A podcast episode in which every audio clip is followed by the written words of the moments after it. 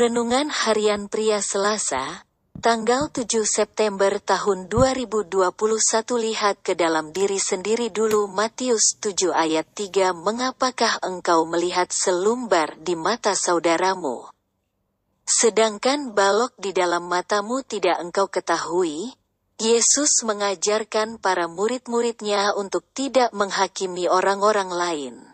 Dan kita sudah belajar kemarin mengapa kita tidak boleh menghakimi. Sekarang Yesus melanjutkan lagi pengajarannya tentang jangan menghakimi. Daripada menghakimi orang lain. Yesus mengajarkan agar kita melihat ke dalam diri kita sendiri. Mengapa? Karena setiap kita pasti mempunyai balok di dalam mata kita. Tidak akan mungkin kita dapat mengeluarkan selumbar yang ada di dalam mata orang lain, sedangkan ada balok di dalam mata kita. Bagaimanakah engkau dapat berkata kepada saudaramu, "Biarlah aku mengeluarkan selumbar itu dari matamu"? Padahal ada balok di dalam matamu, Matius 7 ayat 4. Seperti apakah perbandingan antara balok dan selumbar itu yang dipakai oleh Yesus dalam mengajarkan para muridnya untuk tidak menghakimi? Selumbar adalah sesuatu yang sangat kecil, misalnya seperti serpihan jerami atau ranting, sehelai rambut atau bulu yang sangat kecil. Balok pasti sesuatu yang sangat jauh lebih besar daripada selumbar.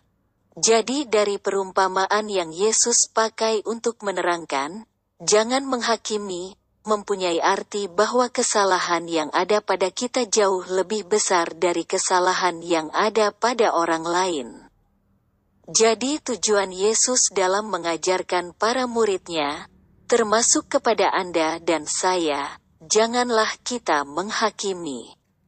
Lebih baik kita introspeksi ke dalam diri kita.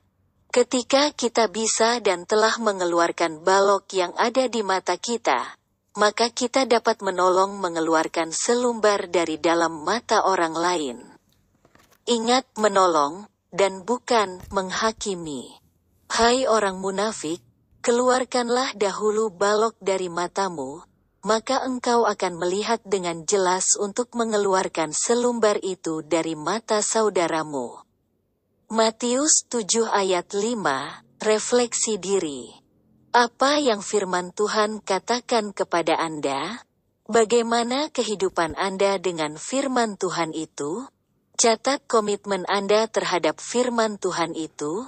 Doakan komitmen Anda itu, pengakuan imanku. Saya dipenuhi kasih Tuhan bukan untuk menghakimi tetapi untuk menolong orang-orang lain.